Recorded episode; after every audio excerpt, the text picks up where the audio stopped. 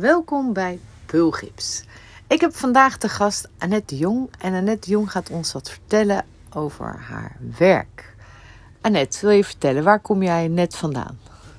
Nou, ik kom uh, net uit Soudaan vandaan, zeg maar Noord-Soedan. Dat is een land uh, ja, een beetje onder Egypte, in Noord-Afrika. En uh, nou, het was dus eerst heel Soudaan en nu is het gesplitst in Zuid-Soedan en Noord-Soedan. Maar nog steeds heel erg groot. Noord-Soedan, dat is echt uh, ja, bijna zo groot als Europa, kan je wel denken. Denk ik, zo'n beetje. Dat is echt heel groot in ieder geval. En heel veel woestijn. Heel veel woestijn, ja. oké. En wat heb je daar gedaan?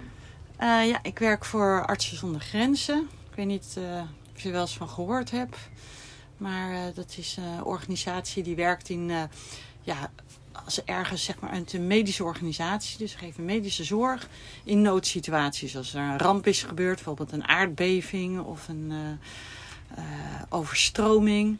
Maar ook als, ja, door ziekte, bijvoorbeeld de ebola-uitbraak. Of cholera. Maar ook dus ja, in heel veel oorlogsgebieden of conflictgebied. Uh, waar dus heel veel slachtoffers zijn. En zo is het ook eigenlijk begonnen. En ik was in Noord-Soedan vanwege de oorlog in Ethiopië. Dat is een land dat grenst aan uh, Soedan. En daar is een burgeroorlog. En mensen vluchten dus vanuit die burgeroorlog de grenzen over. En de meest voor de hand liggende grens is uh, Soedan. Dus ik ben daar geweest op de grens van Ethiopië en Soudaan en Eritrea om de vluchtelingen die, het, uh, dan, ja, die dan aankwamen om die medische zorg te verlenen. Oké, okay. en uh, wat gebeurt er met de vluchtelingen? Ze komen de grens over en dan sta jij ze daar te helpen? Of? Ja, je, moet je voorstellen, we, hebben, zeg maar, we zijn daar met een team. Het is niet alleen medisch, want je hebt ook logistieke mensen nodig. En uh, uh, iemand van uh, een leidinggevende van het project, dus administratief of die zich bezighoudt met personeel. Dus het is een, een groep van mensen, dokters, verpleegkundigen. En dan zitten wij aan de grens en hebben we een aantal, we noemen dat health post. Dat is eigenlijk het allersimpel, soort huisarts, maar misschien nog simpeler als huisarts. En die zitten aan de, aan de grens, aan verschillende kanten van de rivier. Waar mensen dan, ja, je ziet aan de andere kant echt zeg maar bombardementen en schietpartijen. Mensen vluchten dus uh, door de rivier over en dan komen ze aan in Soudaan. En daar staan wij dan met zo'n soort van klein tentje. En dan kunnen mensen even uitrusten en ze krijgen wat te drinken en ze kunnen even hun verhaal kwijt. Want vaak zijn ze ook helemaal ja, in een soort shocktoestand. Uh, we kijken dan meteen even een soort quick health check van uh, zijn mensen erg onder voet of kinderen of zijn er wonden um, wat meteen behandeld moet worden. Uh, lijden ze aan een chronische ziekte waar ze medicijnen voor moeten hebben en dan kunnen ze terecht in het ziekenhuisje wat we dan in dat uh, dorpje hebben. Dus dan brengen we ze daarheen. En anders geven ze dus nou ja water wat te eten en dan gaan ze door naar het kamp. Er is dus een tijdelijk opvangkamp die deze mensen opvangt. En van daaruit wordt dan gekeken wat verder. Oké. Okay. En dan uh, hebben ze dan gelijk een huis. Hoe moet ik dat voor me stellen? Hoe, uh, hoe moet ik het voor me stellen? Dus de vluchtelingen komen aan, ze zijn door jou gecheckt. Of door je collega's. En ja. dan gaan ze naar het kamp. En dan krijgen ze daar gewoon een eigen tent met een wc. Ja, nou ja, ja, het klinkt eigenlijk heel georganiseerd, maar dat is het helemaal niet. Je moet voorstellen, het zijn ja, soms 100, soms 200 mensen per dag die oversteken. Vaak zijn het vrouwen met kinderen die al drie dagen onderweg zijn. Sommigen zijn al een week onderweg, sommigen hebben mensen onderweg verloren. Uh, sommigen zijn bevallen onderweg. Uh, sommigen zijn elkaar kwijtgeraakt onderweg. Dus mensen komen in een compleet chaotische ja, stresstoestand aan. En dan ook die oversteek gaat niet altijd vlekkeloos, want niet iedereen kan zwemmen. Maar ook er zijn heel veel militairen. Uh, het is toch een grensgebied. Uh, er wordt constant gepatrouilleerd. Of er geen.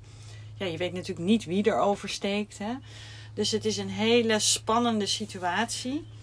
En dan dat, uh, ja, dat tijdelijke kamp waar mensen heen gaat, ja, dat stelt eigenlijk niks voor. Dat is gewoon een soort plek op de heuvel, uh, buiten het dorp, waar ze gezegd hebben, nou ja, ga daar dan maar heen.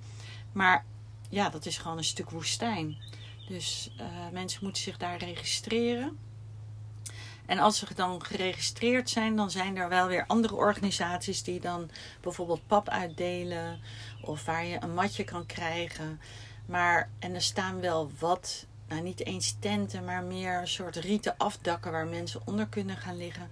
Maar je moet je voorstellen dat ja, alle mensen bij elkaar, dus er zitten gewoon 60 mensen liggen met, ja, ze hebben ook maar vaak heel weinig spulletjes ja, in een hoekje. Iedereen heeft zeg maar een hoekje of een vierkantje waar die met zijn kind of zijn gezin zit of met zijn vriend of uh, met wie die dan gevlucht is. En dan uh, hoop je dat ze een matje krijgen, dat ze in ieder geval niet op de, op de grond hoeven te liggen. Dus ja, en dan ook gelukkig de mensen uit het stadje zijn ook ja, eigenlijk best wel heel gastvrij. Die, uh, ja, als er dan geen plek is, die zeggen dan ook wel, ja, je kan wel in onze tuin slapen of uh, met een afdakje. Dus dat gebeurt ook wel, ja. Oké, okay, en uh, maar die, die mensen die daar dan wonen, die hebben wel genoeg geld dan? Uh, zeg maar de, me de mensen die van dat stadje al. Ja, die zeggen: Kom maar bij mij, ik heb een, ik heb een plekje. Dat ja. zijn hele rijke mensen. Nee, dat zijn eigenlijk ook hele arme mensen. En uh, het zijn eigenlijk het is een beetje een vergeten hoek van Soudaan. Dus je moet. Sorry. Zo, dat was even een korte onderbreking. We zijn weer terug. Uh, we hadden het over de mensen die daar wonen, of ze rijk zijn. Omdat jij zei dat ze wel eens onderdak bieden aan de vluchtelingen. Ja, nee, dat zijn eigenlijk ook hele arme mensen.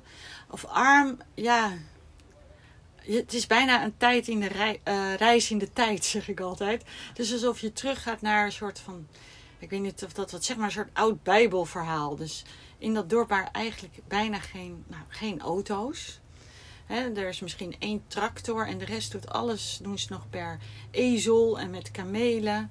En die mensen wonen in ja, toekels noemen ze dat. Dus van uh, modder gemaakte ronde huisjes. En vaak met hun koeien of met hun geiten. Of, uh, nou, koeien hebben ze trouwens niet. Met hun geiten of met hun ezels, met die beesten wonen ze. Dus echt met het hele gezin in één zo'n uh, toekel. Dus in zo'n moddergrashuis. Zo moet je dat dan zien. Dus heel simpel leven. En ja, die, leven dan echt van het kopen en verkopen van hun dieren. En wat boeren, dus sesam, vooral dat groeit dan daar. Ja, sesamzaad. Oké, okay, maar geen maar, televisie of nee, zo? Nee, helemaal. Dus geen elektriciteit, geen stromend water. Dus de kinderen zijn de hele dag bezig om water te halen uit de rivier. Um, om te koken en om te wassen en alles. En geen elektriciteit. Dus ze leven ook met het licht van de dag. Je staat om zes uur op als het licht wordt. En zeven uur s avonds gaat iedereen weer naar bed, want het is donker. Ja. Ja. Dus heel primitief. Maar misschien juist daardoor dat ze ook wat meer open zijn voor mensen in nood. En het zijn toch ook hun buren. En dat ze ook denken van ja, dat is zo erg. Want het gebeurt natuurlijk ook voor hun. Horen ze en zien ze natuurlijk ook dat geweld. Wat op geen ja, 20 kilometer van hun huis eigenlijk gebeurt. Ja, en uh, ja, Soudaan is ook wel eens in oorlog geweest. Dat ze dus de andere kant op vluchten. Ja. Dus het, ja, ze helpen elkaar wel. En dan, uh, ja. Dus ja, ze zijn heel gastvrij. Ja. ja. Maar goed, je vertelt dus dat dat naburige dorp heeft geen water, geen elektriciteit, weinig auto's. Jij hebt daar een kamp. Ja. Uh, hoe moet ik me dat dan voorstellen? Heb je daar dan bijvoorbeeld de operatiekamer? Of als mensen heel gewond zijn, hoe kan je dat dan helpen? Of kan je keizersnee doen bij vrouwen die aan bevallen zijn of zo? Ja, dat is, dat is een goede vraag. Want helaas uh, ja, hebben we eigenlijk nog een heel simpel soort van health post. Dus het is eigenlijk meer een huisartsenpraktijk. Dus we kunnen wel wonden behandelen, we kunnen wel hechten en we kunnen wel de meeste ziektes behandelen. En bevallingen kunnen we ook doen. Maar we, kunnen, we hebben geen uh, operatiekamer. Dus uh, een keizersnee of een, uh, echt een, eh, een, kogel verwijderen, dat kunnen we niet. Dus we kunnen wel mensen stabiliseren. Dus alles doen dat ze vervoerd kunnen worden, zodat ze dan ja, vervoerd kunnen worden naar een ander ziekenhuis. Maar ja, per auto is het uh, toch wel een dag rijden naar het eerstvolgende ziekenhuis, wat dat dan wel heeft. Maar als het regent, want er zijn ook geen wegen, je rijdt eigenlijk door het zand. Dus als het regenseizoen is, dan is alles één grote modderpoel. Dan kan je er ook niet auto rijden. Dus dan kan je alleen maar of per kameel of met een tractor. Maar ja, dan duurt het misschien wel drie of tot zeven dagen voordat je zo'n ziekenhuis bereikt. Dus ja, mensen zijn ook echt hard leven. Veel mensen gaan ook daar dood. Of kinderen overlijden Ja. sneller. Vooral eh, baby's en. Ja, het is een kwetsbare groep. Dus we proberen dan wel eh, ja, de mensen zeg maar, zo goed mogelijk te verzorgen dat ze niet zo ziek worden. Ja. Of ze te stabiliseren. Oké. Hey, en je vertelde ook dat het heel warm was. Kun je daar iets over vertellen? Ja, het is echt woestijnklimaat. Dus toen ik er was, eh, was het 40 graden. En na enkele weken liep het soms op tot 47 graden. Nou, dat is echt alsof je in, de, in een soort föhn staat de hele dag. Want het waait er ook nog wel een beetje. Dus het is echt een, eh, ja, ontzettend heet. Je bent eigenlijk 24 uur per dag aan het zweten. De hele Zo. dag. Dus je drinkt ook de hele liters, liters, liters, liters water. Ja. En eh, je moet ook echt dan langzamer gaan lopen en dingen wat langzamer gaan doen, omdat het echt te heet is. Maar ook daar ja, ben je op een bepaalde manier dan ook wel weer aan. Maar vooral het in slaap vallen s'avonds, dat is echt moeilijk. Ja. En eh, ja, En het zorgt ook voor, de, toch? Je bent er zelf ook niet aan gewend. Nee, dus eh, ja, ik was ook wel, vooral de eerste dagen echt heel erg moe van. Ja. En ook eh, ja, dat zweten, dat is echt.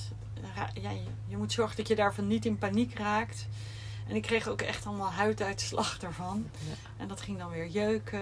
En eh, dus ja, dat is wel. eh, het zijn wel ook best wel ontberingen. Want je zelf heb je ook dus geen stromend water. En ook niet elektra. Dan hadden we wel zonnepanelen.